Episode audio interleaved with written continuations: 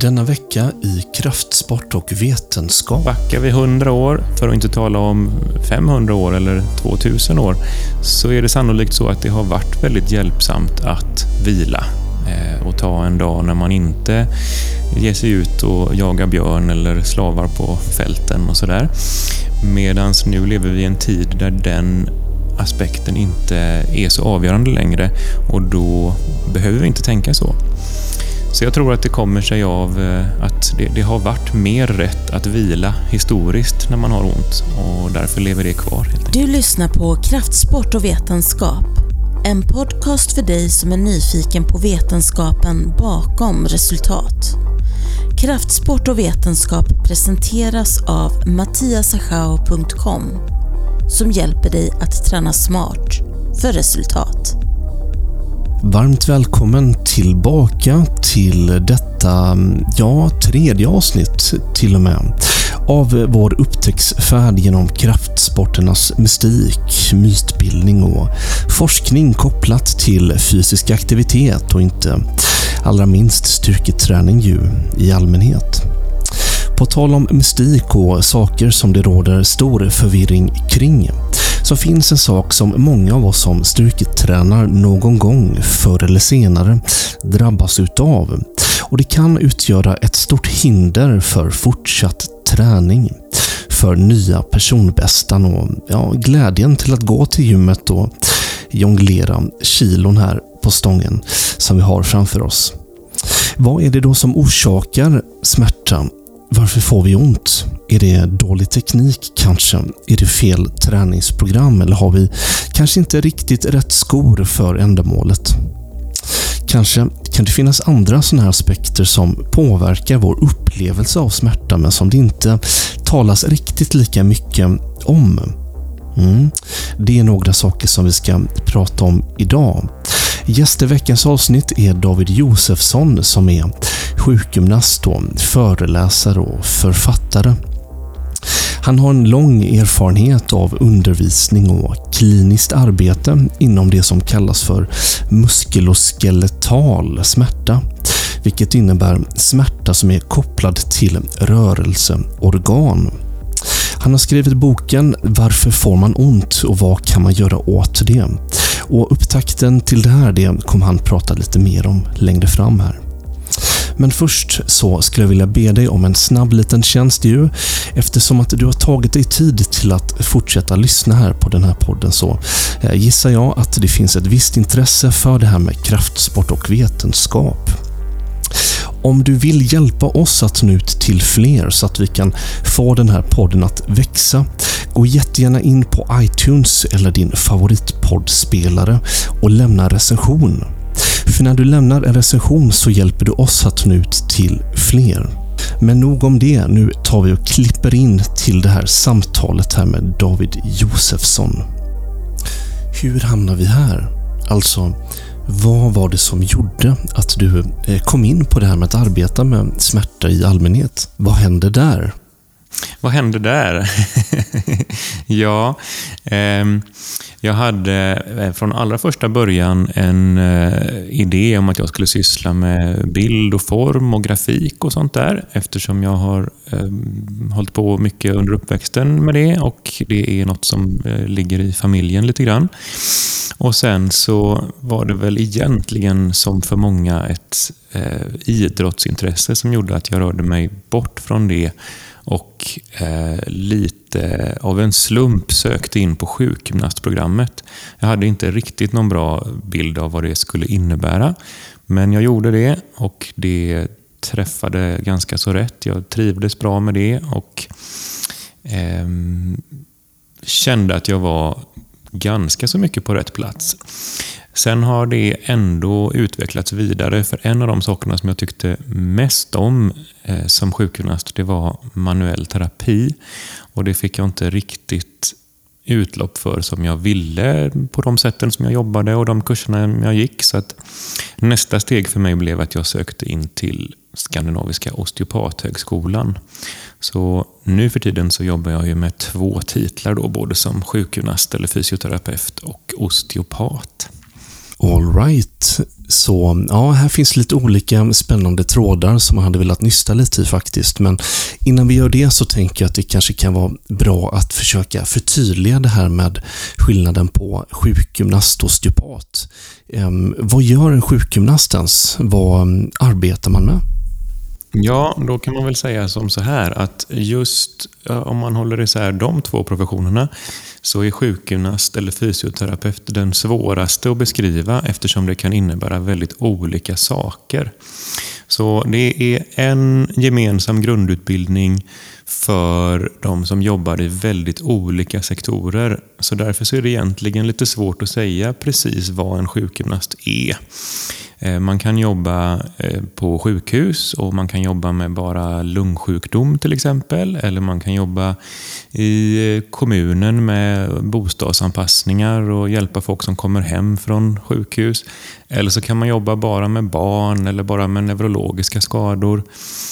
Och såklart, det som folk tänker är ju det här med eh, både kanske idrottsskador och primärvårdsarbetande sjukgymnaster. Alltså någon man går till när man har vanliga besvär, ont i ryggen eller ont i en axel sådär, utan att man är svårt sjuk.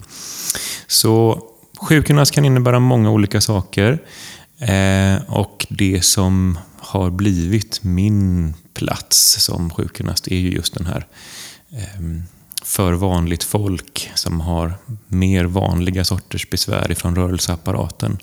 Även om mitt allra första arbete var på intensivvårdsavdelning så har jag rört mig väldigt långt därifrån sen i karriären. Om vi flyttar uppmärksamheten då till eh, osteopatyrket så är det lite mer homogent Eh, det är redan från början så att man, i alla fall i Sverige, i huvudsak riktar sig till just den här sista gruppen som vi nämnde. Då, människor som är friska nog att eh, bo hemma, ta sig till en mottagning själv utan hjälp för att söka hjälp för ett eh, mer moderat typ av besvär såsom ont i ryggen eller ont i eh, en axel eller ett knä eller sådär. Och på det viset så är ju då en, en viss andel av alla sjukgymnaster och eh, osteopater delar då samma patientgrupp skulle man kunna säga. Och när vi har kommit så långt i beskrivningen så skulle jag säga att eh, den stora åtskillnaden på gruppnivå är vilka verktyg man använder mest för att hjälpa sina patienter. Och då är ju sjukgymnast eller fysioterapeutyrket tätt förknippat med rörelseterapi eller att man använder sig av terapeutisk träning på olika sätt. Eh, det är en, ett väldigt utmärkande verktyg för professionen. Medan motsvarande då för osteopater är manuell terapi, att man använder händerna för att erbjuda olika behandlingstekniker. Men det är ett stort överlapp och det finns många metoder som används av båda yrkena. Så att Riktigt så enkelt är det egentligen inte att hålla isär. Innan vi eh, kom till skott här med den här intervjun så nämnde du att ett av dina eh, mål är att du vill att folk inte ska fokusera på fel saker efter att man har fått ont. Kan du berätta lite mer om detta? Hur går dina tankar kring det? Ja, eh, det handlar väl egentligen om att det finns så väldigt mycket Eh, och väldigt utbredda föreställningar och myter kring varför man får den här typen av mer vanliga besvär och krämpor som folk har. Den typen av besvär som man just går och söker hos en sjukgymnast eller en osteopat för. Och den okunskapen eller den eh, missinformationen som det innebär. Missinformation, vad är det för ett ord egentligen? Svängelska. Eh, att det har på något vis eh, lett till att eh, människor både kanske är rädda och oroliga för saker som de inte behöver, vilket driver på en del besvär, att folk har mer besvär än nödvändigt. Men kanske framför allt att det gör då att man väldigt många väljer att lägga sin tid och energi på åtgärder för det här som kanske inte är produktiva. Man skulle kunna göra annat som var bättre. Och det är väl det som är, eh, har varit mitt syfte med att försöka nå ut med den sortens information. Då. Bland annat genom den här boken. Och innehållet i den här boken som du har skrivit här ska vi prata lite mer om. Men en sak jag tänkte på bara, på tal om det här med att fokusera på fel sak när man har fått ont.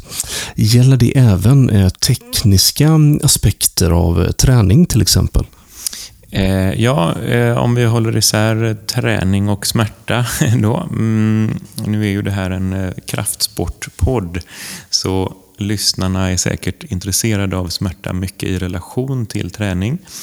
Eh, men det är förstås en aspekt på det där att om man är inne i träning och man har besvär i samband med träning så finns det väldigt mycket och starka åsikter och idéer kring just som du säger tekniska detaljer som man då tror är avgörande och spelar stor roll som i många fall kanske är helt ogrundade och man borde lägga den energin på något annat för att få bättre resultat.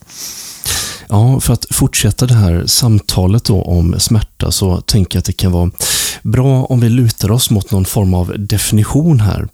Vad eh, är smärta? Vad betyder det ens? Hur tänker vi där? Ja, det där är ju lite svårt. Det finns en officiell eh, definition från IASP, eller International Association of Pain.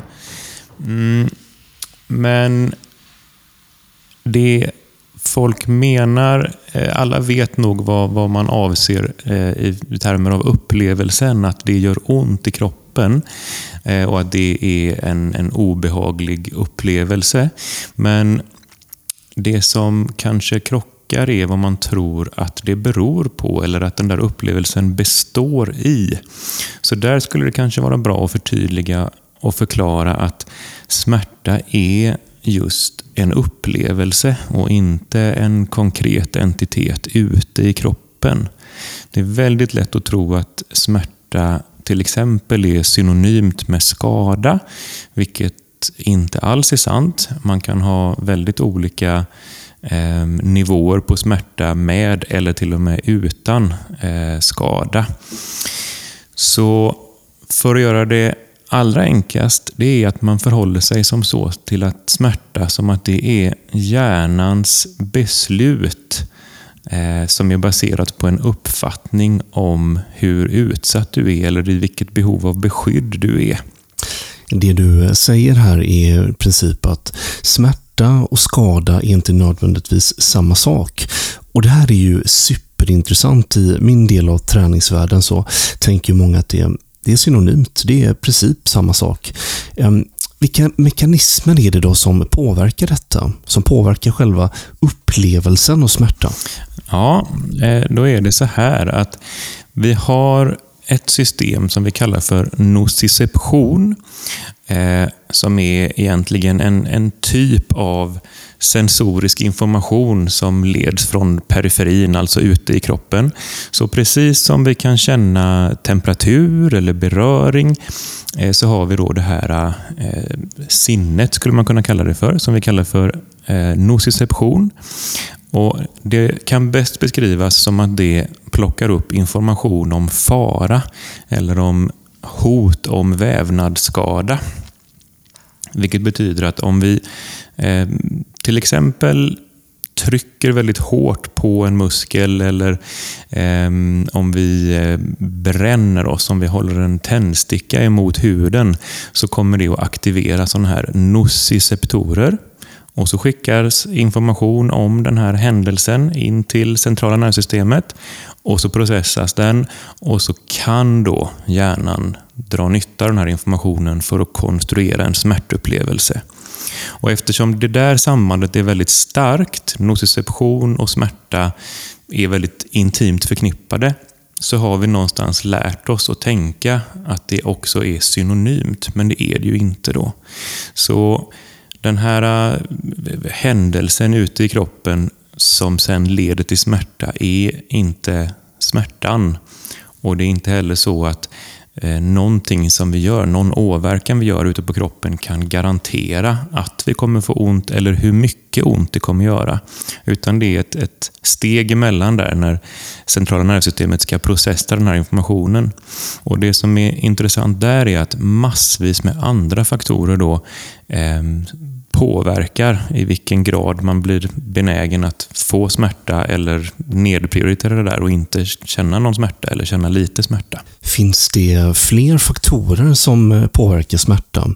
Eller intensiteten i, ja, alltså hur mycket ont man får? Ja, eh, precis. Det är ju det som är 10 000 kronors frågan varje gång det gör ont. Vad är det egentligen som gör att mitt nervsystem väljer att konstruera den här upplevelsen nu. Och det kan vara så att det finns en nociceptiv komponent, som man säger då. Men det måste inte göra det och det är inte alls säkert att den står i relation till hur stark smärtan är. Så för att göra det enkelt kan man tänka sig att allting, all typ av information som bidrar till att du är utsatt eller i behov av beskydd kan också då vara med och bidra till att du får ont. Och Någonting som är väldigt potent är din historia. Vad är det som har hänt tidigare som då har varit farligt eller skadligt eller som tidigare har lett till en smärtupplevelse? Då kommer hjärnan att dra nytta av den informationen bakåt i tiden för att ta beslut om även framtida smärta. Men som ett bra exempel här då. Eh, vanliga typer av besvär i kroppen som man söker en sån som mig för är ofta sånt som uppstår utan att man har gjort någonting väldigt tydligt eh, våldsamt eller utsatt sig för några stora fysiska krafter.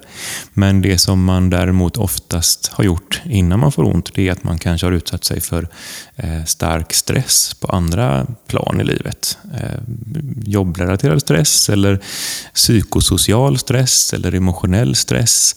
Och det är också sånt som bidrar till den här eh, utsatta situationen som eh, behöver försvaras eller eh, skyddas. Eh, och smärta är ett sätt att försöka skydda dig, få dig att motivera ditt beteende till att göra saker annorlunda. Det är ju väldigt vanligt att många blir rädda för träning i samband med att man har fått ont här.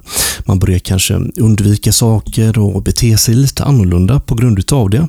Eh, vad tror du att den här rädslan kommer ifrån? Jag tror att det hänger ihop med vår historia och att eh, om vi backar inte särskilt långt i tiden så har det varit så att för att överleva så har man fått förlita sig ganska mycket på fysiskt arbete.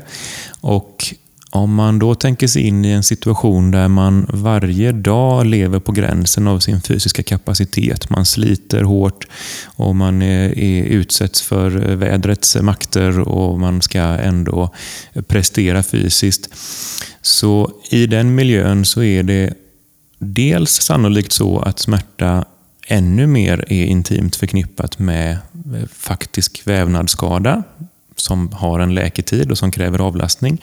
Men också att den kanske största eh, och mest betydelsefulla åtgärden man kan göra i en sån aktiv vardag är att minska på aktiviteten. Så backar vi 100 år, för att inte tala om 500 år eller 2000 år, så är det sannolikt så att det har varit väldigt hjälpsamt att vila Eh, och ta en dag när man inte ger sig ut och jagar björn eller slavar på fälten och sådär. Medan nu lever vi i en tid där den aspekten inte är så avgörande längre och då behöver vi inte tänka så. Så jag tror att det kommer sig av eh, att det, det, har varit mer rätt att vila historiskt när man har ont och därför lever det kvar helt enkelt. Många så kallade rehabspecialister på sociala medier pratar ju väldigt mycket om det här med balans, muskelbalans och muskelobalans. Hur hänger det ihop med smärta och skador i allmänhet? Ja, eh, det där är... Det finns olika svar på den frågan kan man väl säga eftersom folk kommer att tänka olika saker när man säger muskelobalans. Eh, det finns faktiskt underlag för ökad skaderisk i vissa sammanhang när det finns en stor obalans. Exempelvis så är det lättare eh, eller mer vanligt förekommande med eh, bristningar i hamstrings hos amerikanska fotbollsspelare som har jättemycket mer styrka i framsida lår än i baksida lår och eh, liknande exempel finns då på olika håll. Eh, men då pratar vi ju alltså om faktisk skaderisk och i eh, idrottsmoment. Om man mer tänker att man så att säga skulle få ont av eh, obalans, då är det betydligt mer eh, luddigt och där finns det väldigt många myter som skulle kunna vara bra att avliva. Och ofta handlar det om att man tror då att Eh, obalans i till exempel styrka eller rörlighet får eh, mekaniska konsekvenser som i sin tur leder till smärta. Och Det finns ganska många och ganska utbredda sådana teorier som helt enkelt inte stämmer. Så en påläst lyssnare kanske till exempel har hört talas om en sån sak som upper och lower cross syndrome. Eh, där man då egentligen tänker sig att man förändrar kroppens form eller hållning eh, beroende på var man är stark eller stram eller svag. Och Det typiska exemplet här då i lower cross syndrome är att man hypotiserar att om man är stram i höftböjaren och eh, svag i magen, då tippar bäckenet framåt och då får man en stor lodos, alltså en stor svank. Och om man har en stor svank, då får man ont i ryggen. Och därför är det extra viktigt att träna magen och stretcha höftböjarna till exempel. Och där är det så att alla antaganden i den hypotesen är fel faktiskt. Det finns till exempel inget samband mellan eh, flexibiliteten i höftböjarna eller styrkan i magen på hur stor svanken är. Och det finns heller ingen, inget samband mellan hur stor svank man har och om man har ont i ryggen eller hur mycket ont i ryggen man har. Utan det är en, en idé som är kul men som inte stämmer helt enkelt. Och den typen av antaganden finns det väldigt många av skulle man kunna säga. Det får mig att tänka på en annan typ av antagande som är eh, vanligt på sociala medier och ja, olika kommersiella sammanhang. Det är ju detta med hållning. Hur viktigt är det i det här sammanhanget? I princip inte viktig alls. Eh, och det är väldigt provocerande för folk när man säger det eftersom hållningen är en typiskt sån här eh, ganska kraftfullt mytologiserad ehm, eh, ett mytologiserat antagande som man har byggt hela system, och både för eh, klinisk praktik och för träningsmodeller och sådär kring att det där är viktigt och spelar stor roll och sådär. Eh, men också att man då utgår från att man med både kanske manuella tekniker och med olika träningsprogram kan förändra hållningen. Och där är det så många antaganden som är fel så att man får nästan gå in i varje givet fall och peta för att förklara hur det egentligen ligger till. Men överlag kan man säga att eh, hållningen är inte särskilt intressant för smärta. Särskilt inte om vi pratar om statiska positioner, alltså hur man står eller hur man sitter. Ehm, det är mest intressant om man pratar om hur man till exempel utför en arbetsuppgift. Om man gör någonting många gånger på en dag så finns det förstås ett sätt att göra det på som är mer energieffektivt än ett annat. Men ehm, därifrån till att någonting gör ont är det ytterligare flera steg som man lätt hoppar över när man schablonartat ehm, hypotisera kring det här. Vad är då den absolut värsta myten här om smärta? Vad tycker du? Den värsta myten?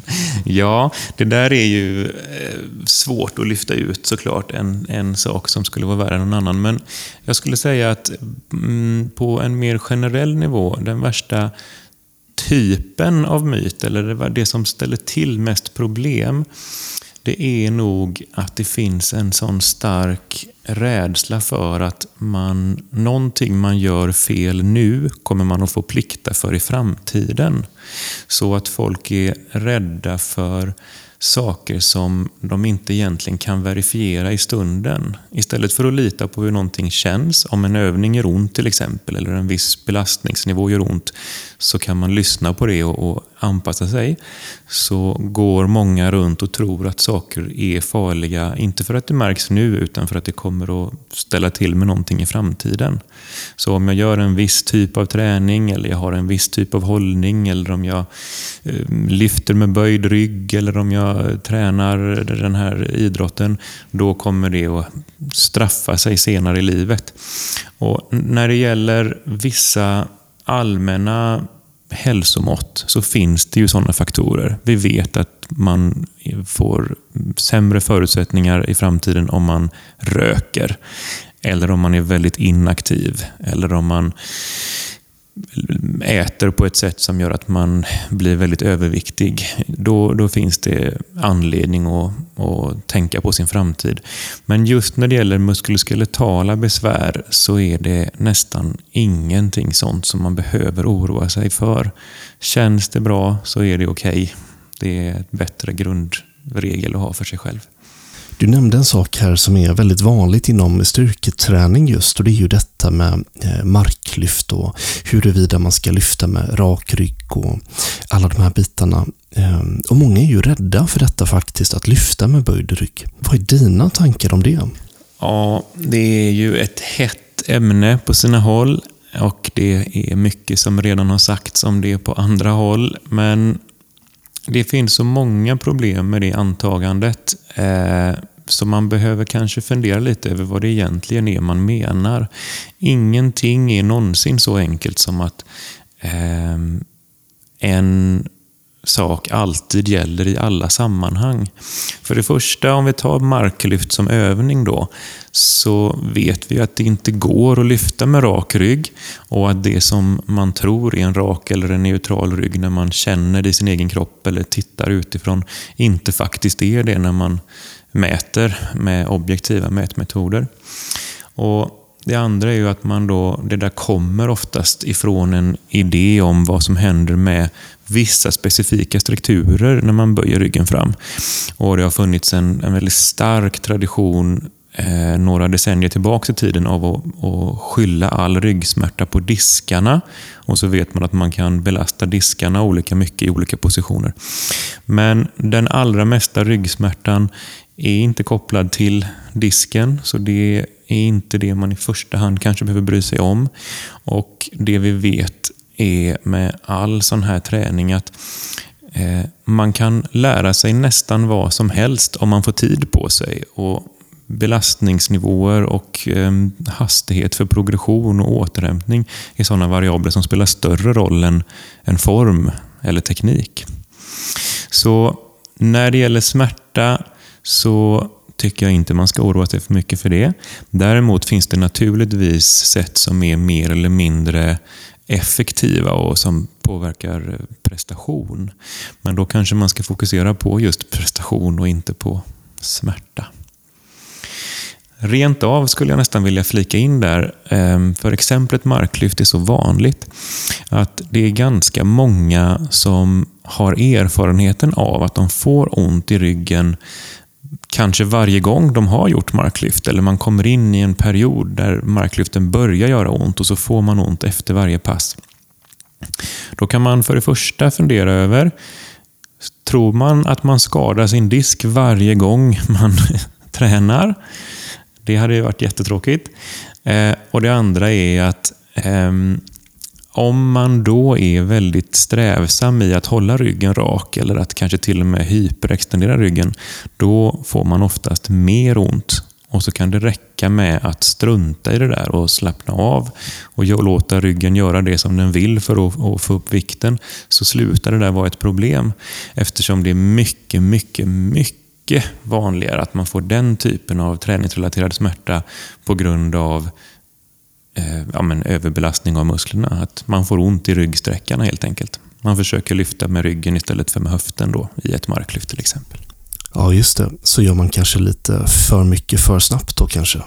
Såklart. En, en, på lång sikt är det ju det som är kanske den viktigaste variabeln att ta hänsyn till. Ja, det är lite min uppfattning också. Kan man minska risken för smärta här i samband med träning på något sätt? Det beror naturligtvis på vad smärtan från början beror på. Det finns ju beprövade sätt att förebygga vissa specifika skador till exempel som vi har pratat om. Men det som vi i allmänhet landar eh, i när det gäller mina patientgrupper, det är ju den här smärtan som inte är knuten till någon stor omfattande skada utan som är lite mer mystisk och lite smyger sig på och som kommer och går. och som Det är, ingen, det är ingenting som har gått av och det är inget blod som sprutar. Och Då kan man säga att eh, det finns diverse olika sorters faktorer som spelar roll för att utveckla den sortens smärta. Man kan se att den är mer förekommande i vissa grupper och med vissa förutsättningar. Och Då är det rimligt naturligtvis att tänka sig att kan man adressera de faktorerna så kan man också förebygga smärta. Men det är oftast inte det som man tror själv spelar störst roll som man behöver ägna sig åt.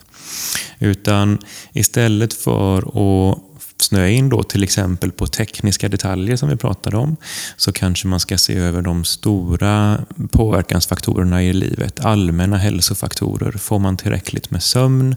Stressar man för mycket? Eh, om man nu tränar, är det så att man har den dosen och den frekvensen och den progressionen som kroppen tolererar eller ligger man lite för långt fram och pressar hela tiden? Eh, och naturligtvis, som vi var inne på, alla de här olika faktorerna som eh, annars kan göra att man mår dåligt. Olika typer av stressorer. Eh, kan man hantera det bättre eller undvika dem så, så kan det i förlängningen spela roll för utvecklingen av smärta, ja. Det här som du beskriver med att smärta påverkas av psykosociala faktorer, alltså att det är multifaktoriellt, Ehm, tycker jag lite knepigt att ehm, berätta för någon som inte är så insatt i de här ämnena sedan eh, tidigare och liksom nå hela vägen fram. Har du något bra tips där för kliniker och tränare som stöter på det här i sin praktik? Ja, mm, det finns eh, inga enkla vägar naturligtvis och man får lära sig prata med varje klient på eh, hennes vis, får man väl säga, eftersom folk har svårt att ta till sig eh, det här ibland. Men man måste nästan alltid börja med eh, en, en, en mildare informationskampanj just kring vad smärta är. Och börja och, och, ta bort den här föreställningen om att smärta och skada är synonymt med varandra. Och kan man få Eh, den här personen som undrar att förstå att smärtan är en, en konstruktion av deras eget nervsystem. Eh, då kan man kanske också lättare börja leta efter de faktorerna som, som spelar störst roll för just den personens smärta. Jättebra tips ju, tänker jag, ehm, som jag ska ta med mig här i fortsättningen. En annan sak som du har bra koll på, det är ju det här med rörlighetsträning. Det skulle jag vilja att vi pratar lite mer om. Eh, men om vi börjar med det här då. Vad är skillnaden på flexibilitet och mobilitet? Är det en sak som är viktig att ha lite koll på här? Ja, rätt in i sociala medier-hetluften här. ja, det är ju eh, eh, väldigt tydligt att på just Instagram och säkert andra plattformar så har de här begreppen fått ett eget liv. Eh, så eh, i, i den världen, i den slutna ankdammen, så kan man ju säga att det folk menar med flexibilitet är oftast passivt rörelseomfång i en led. Medan mobilitet då eh, refererar till aktivt rörelseomfång, alltså den rörelsen man kan kontrollera med egen muskelkraft. Men det bör ju sägas att det är i den här eh, speciella världen med sociala medier och i den vetenskapliga litteraturen så används inte begreppen så. Eh, mobilitet används egentligen då för att beskriva rörelseförmåga i ett större kontext med där man inte bara pratar om eh, ledens rörelseomfång eller eh, motorisk kontroll utan både styrka och balans och koordination och alla de olika kvaliteterna som gör att man kan utföra en uppgift. Så då kan till exempel mobilitet vara i vilken utsträckning man kan gå själv till affären och handla och det är ju långt ifrån det som Instagram-gurusarna pratar om oftast. Ja, men då fick vi oss en förklaring på denna begreppsförvirring som råder på sociala medier. Vad gäller då kopplingen mellan smärta och rörlighet? Finns det en sådan koppling och ja, vad kan vara viktigt att tänka på där om man skulle få ont vid något tillfälle? Man kan väl säga att på en generell nivå så är alla sådana eh, antaganden överdrivna och det är inte så lätt att visa på att det spelar stor roll vare sig för att få besvär eller för att i efterhand påverka besvär. Däremot så är det väldigt tydligt att smärta påverkar rörelseförmåga. Så Antagligen har en del av missuppfattningarna kommit därifrån. Så fort det gör ont så brukar vi anpassa oss på ett sätt som helt enkelt inte belastar det som gör ont och det brukar innebära att man inskränker sin, sin, den rörelsen som man väljer att använda. Och om man då som terapeut tittar på hur patienten rör sig så syns ju det. Och då kan det vara lätt att tänka att det är för att patienten inte kan röra sig som de har ont. När det kanske egentligen är så att för att de har ont så rör de sig mindre. Så när är det användbart eller viktigt med rörlighetsträning? Hur kan man tänka där? Ja, eh, där skulle jag nog vilja passa på att igen utmana lite gamla myter och föreställningar kring just stretching som aktivitet. Det har tillskrivits så många egenskaper som det inte har och så har man lyft ut stretching och gett det nästan magiska kvaliteter för att påverka alla möjliga olika saker när det egentligen inte är så komplicerat. Vi styrketränar ju för att bli starkare och vi eh, konditionstränar för att få bättre syreupptagningsförmåga och på samma sätt kan man rörlighetsträna för att få bättre rörlighet. Och Om det är så man förhåller sig till stretching, om vi nu använder ordet stretching och egentligen menar all form av eh, rörlighetsökande träning, då är man alltid rätt. Om jag vill försöka påverka rörlighet så kan jag träna för det. Men om jag tror att stretchingen ska göra någonting helt annat ehm, så är det väldigt få saker som man kan förvänta sig av, eh, av stretching eller av rörlighetsträning. Så då blir ju nästan snarare frågan är det viktigt? Behöver man träna rörlighet? Och Det är samma sak där. att Eh, det beror på vad man har för behov naturligtvis. Är det så att man, man gillar det så är det tillräckligt med anledning. Men om vi pratar om det i relation till smärta så är det inte så enkelt som att man måste ha en viss rörlighet för att inte ha ont. Utan det beror naturligtvis på vad man har för ambitioner med vad man ska använda sin kropp till.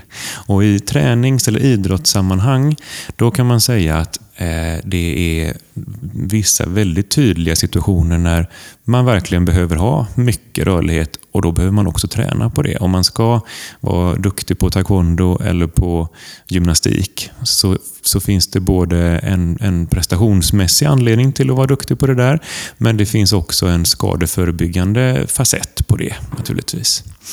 Och Om man inte ska syssla med extrem rörlighet på det viset så är det sällan så att stretching har en, en, en egen viktig skadeförebyggande eller smärtförebyggande effekt. Utan man får se på momentet som man tränar för. Och Det finns mindre extrema exempel där det fortfarande spelar roll. Till exempel om man vill eh, göra en militärpress, säger vi, så kan det finnas en poäng med att ha tillräckligt bra rörlighet i axlarna för att kunna sträcka de armarna rätt över huvudet utan att böja på ryggen.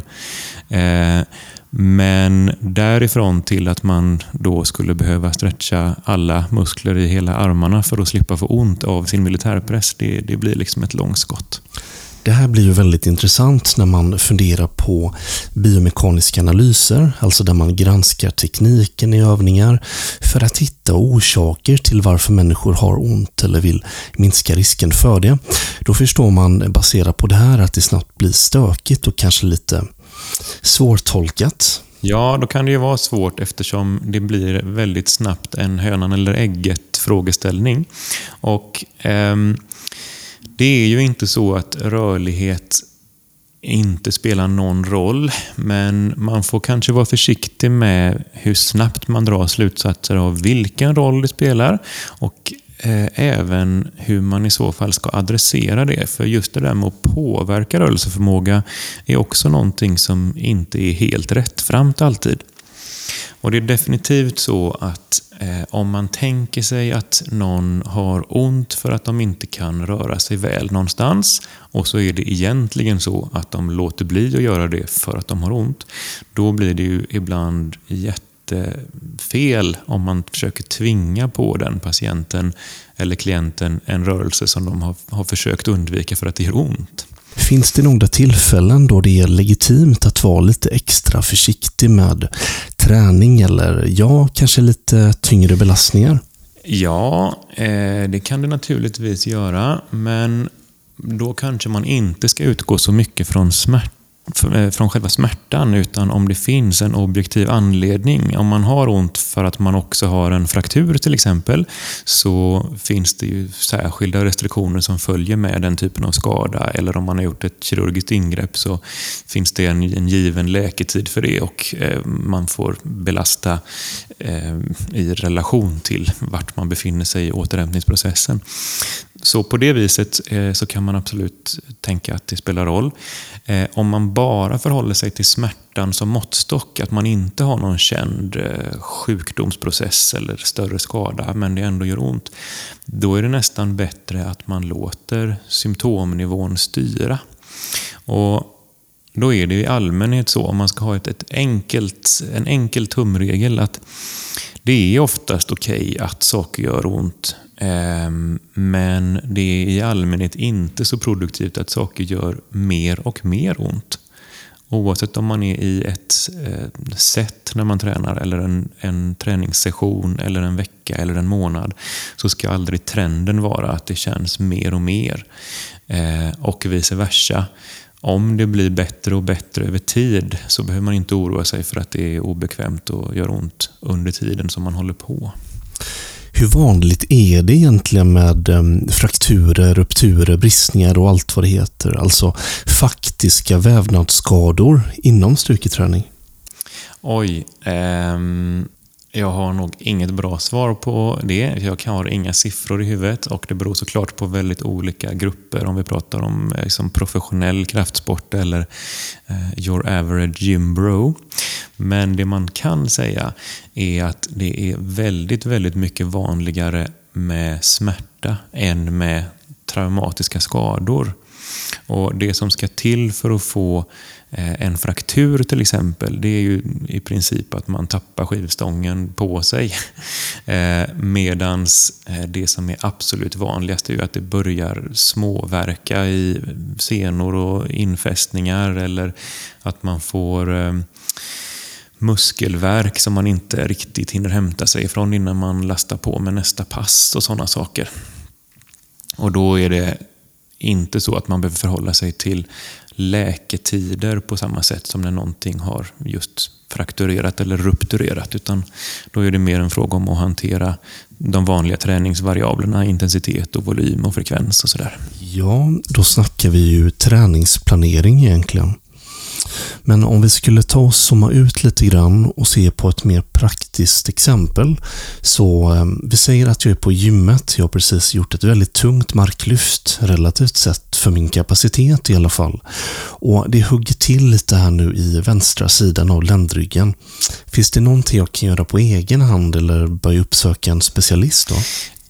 Ja och nej. Det är ju tyvärr aldrig några sådana här svartvita svar när man pratar med en sån person som mig. Men man kan säga som så här. Ehm, om man får väldigt ont och man är orolig och inte vet om man borde söka vård eh, så är det inte egentligen själva smärtan man ska fokusera på utan om det finns några omständigheter runt omkring. Är det så att den där smärtan kommer i samband med något yttre våld, som jag säger att man har tappat en vikt eller man har eh, ramlat eller blivit påkörd eller så. Eh, då finns det anledning att tänka att man skulle kunna ha gjort sig illa. Om man känner efter tittar i spegeln, om det är så att där det gör ont, att det också är rött och svullet och varmt till exempel, så är det en annan sån här sak som tyder på att man kanske faktiskt har gjort sig illa på riktigt. Eh, eller om det är så att man har andra då sjukdomssymptom, om man får feber eller man känner sig abnormt trött eller sådär.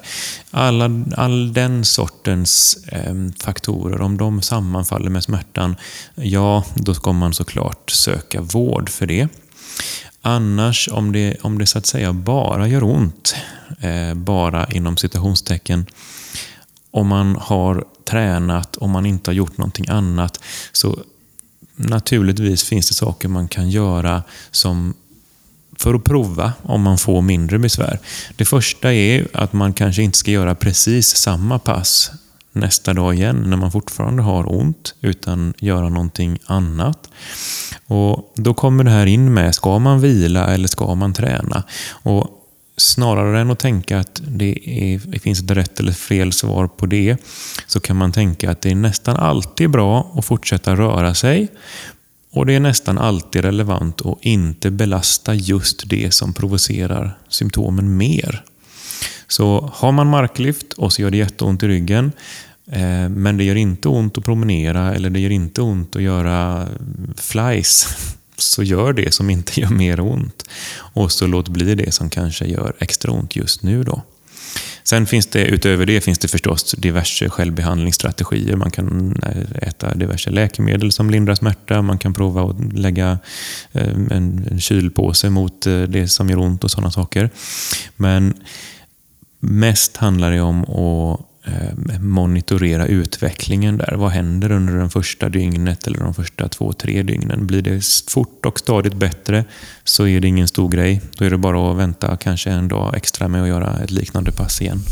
Men säg då att vi har en situation där vi har avlastat, alltså vi har minskat intensitet, volym eller bytt ut övningar och ja, hållit igång lite sådär med träningsplaneringen på olika sätt och vis.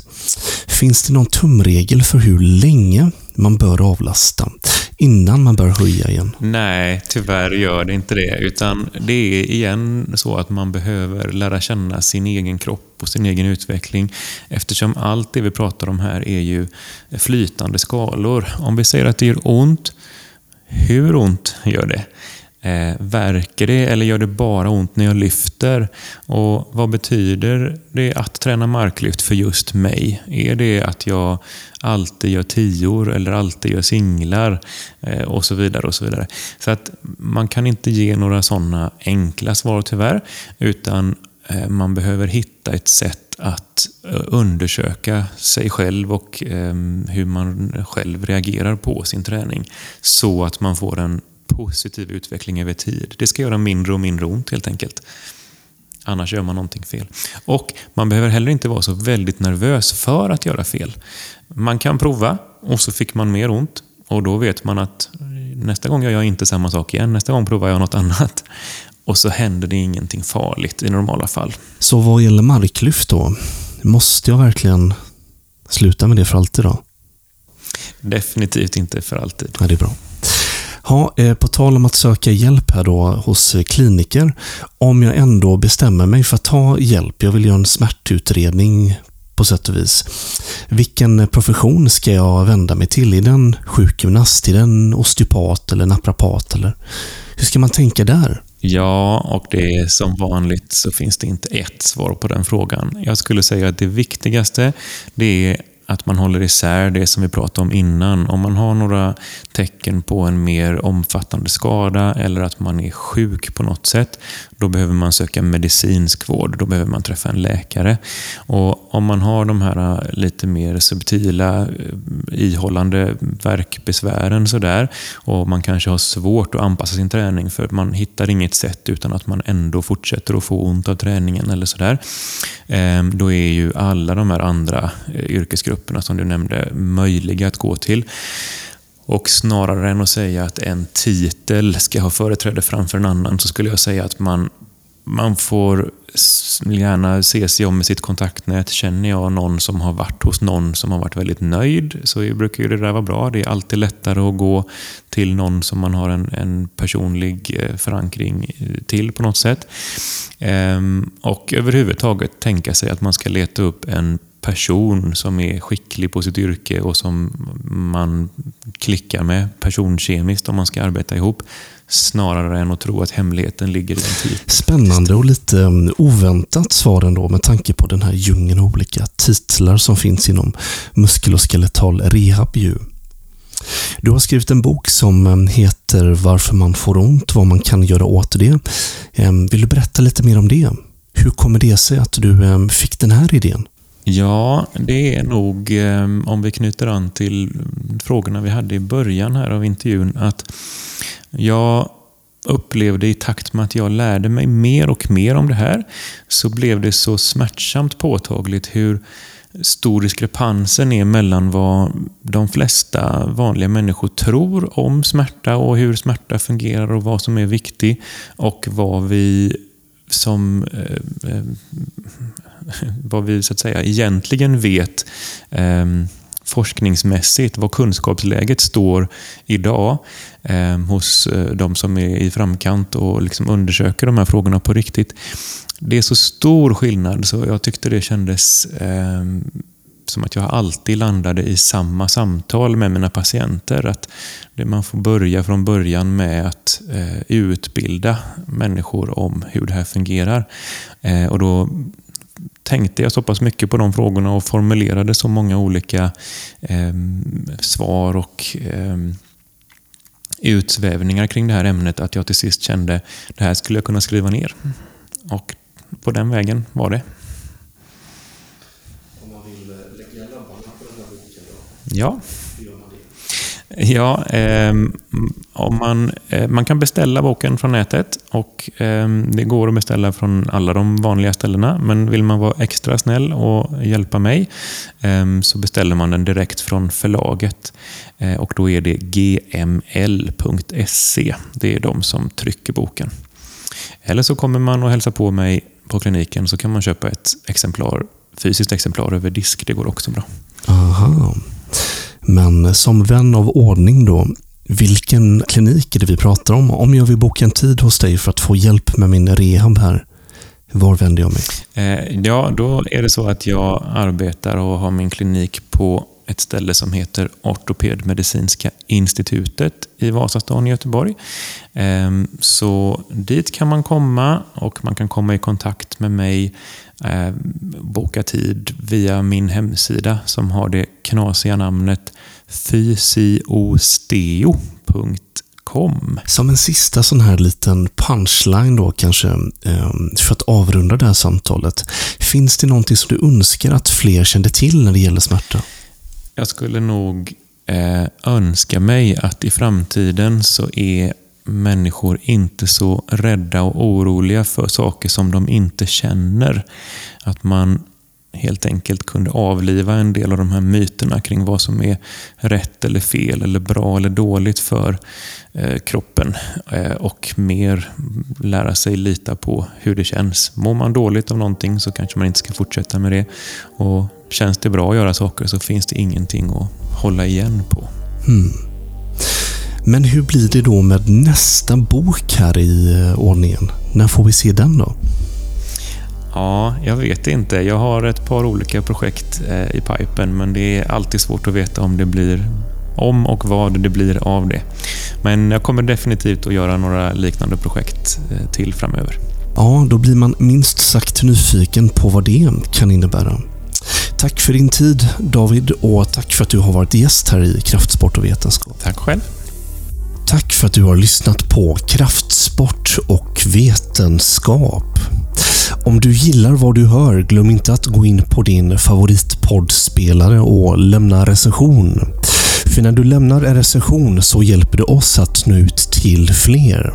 Vill du få mer information och forskning, analyser och spaningar? Gå in på kraftsportochvetenskap.com och signa upp dig på vårt nyhetsbrev. Så får du det bästa från träningsvärlden en gång i veckan. Lycka till med träningen här i veckan som kommer, så hörs vi snart igen.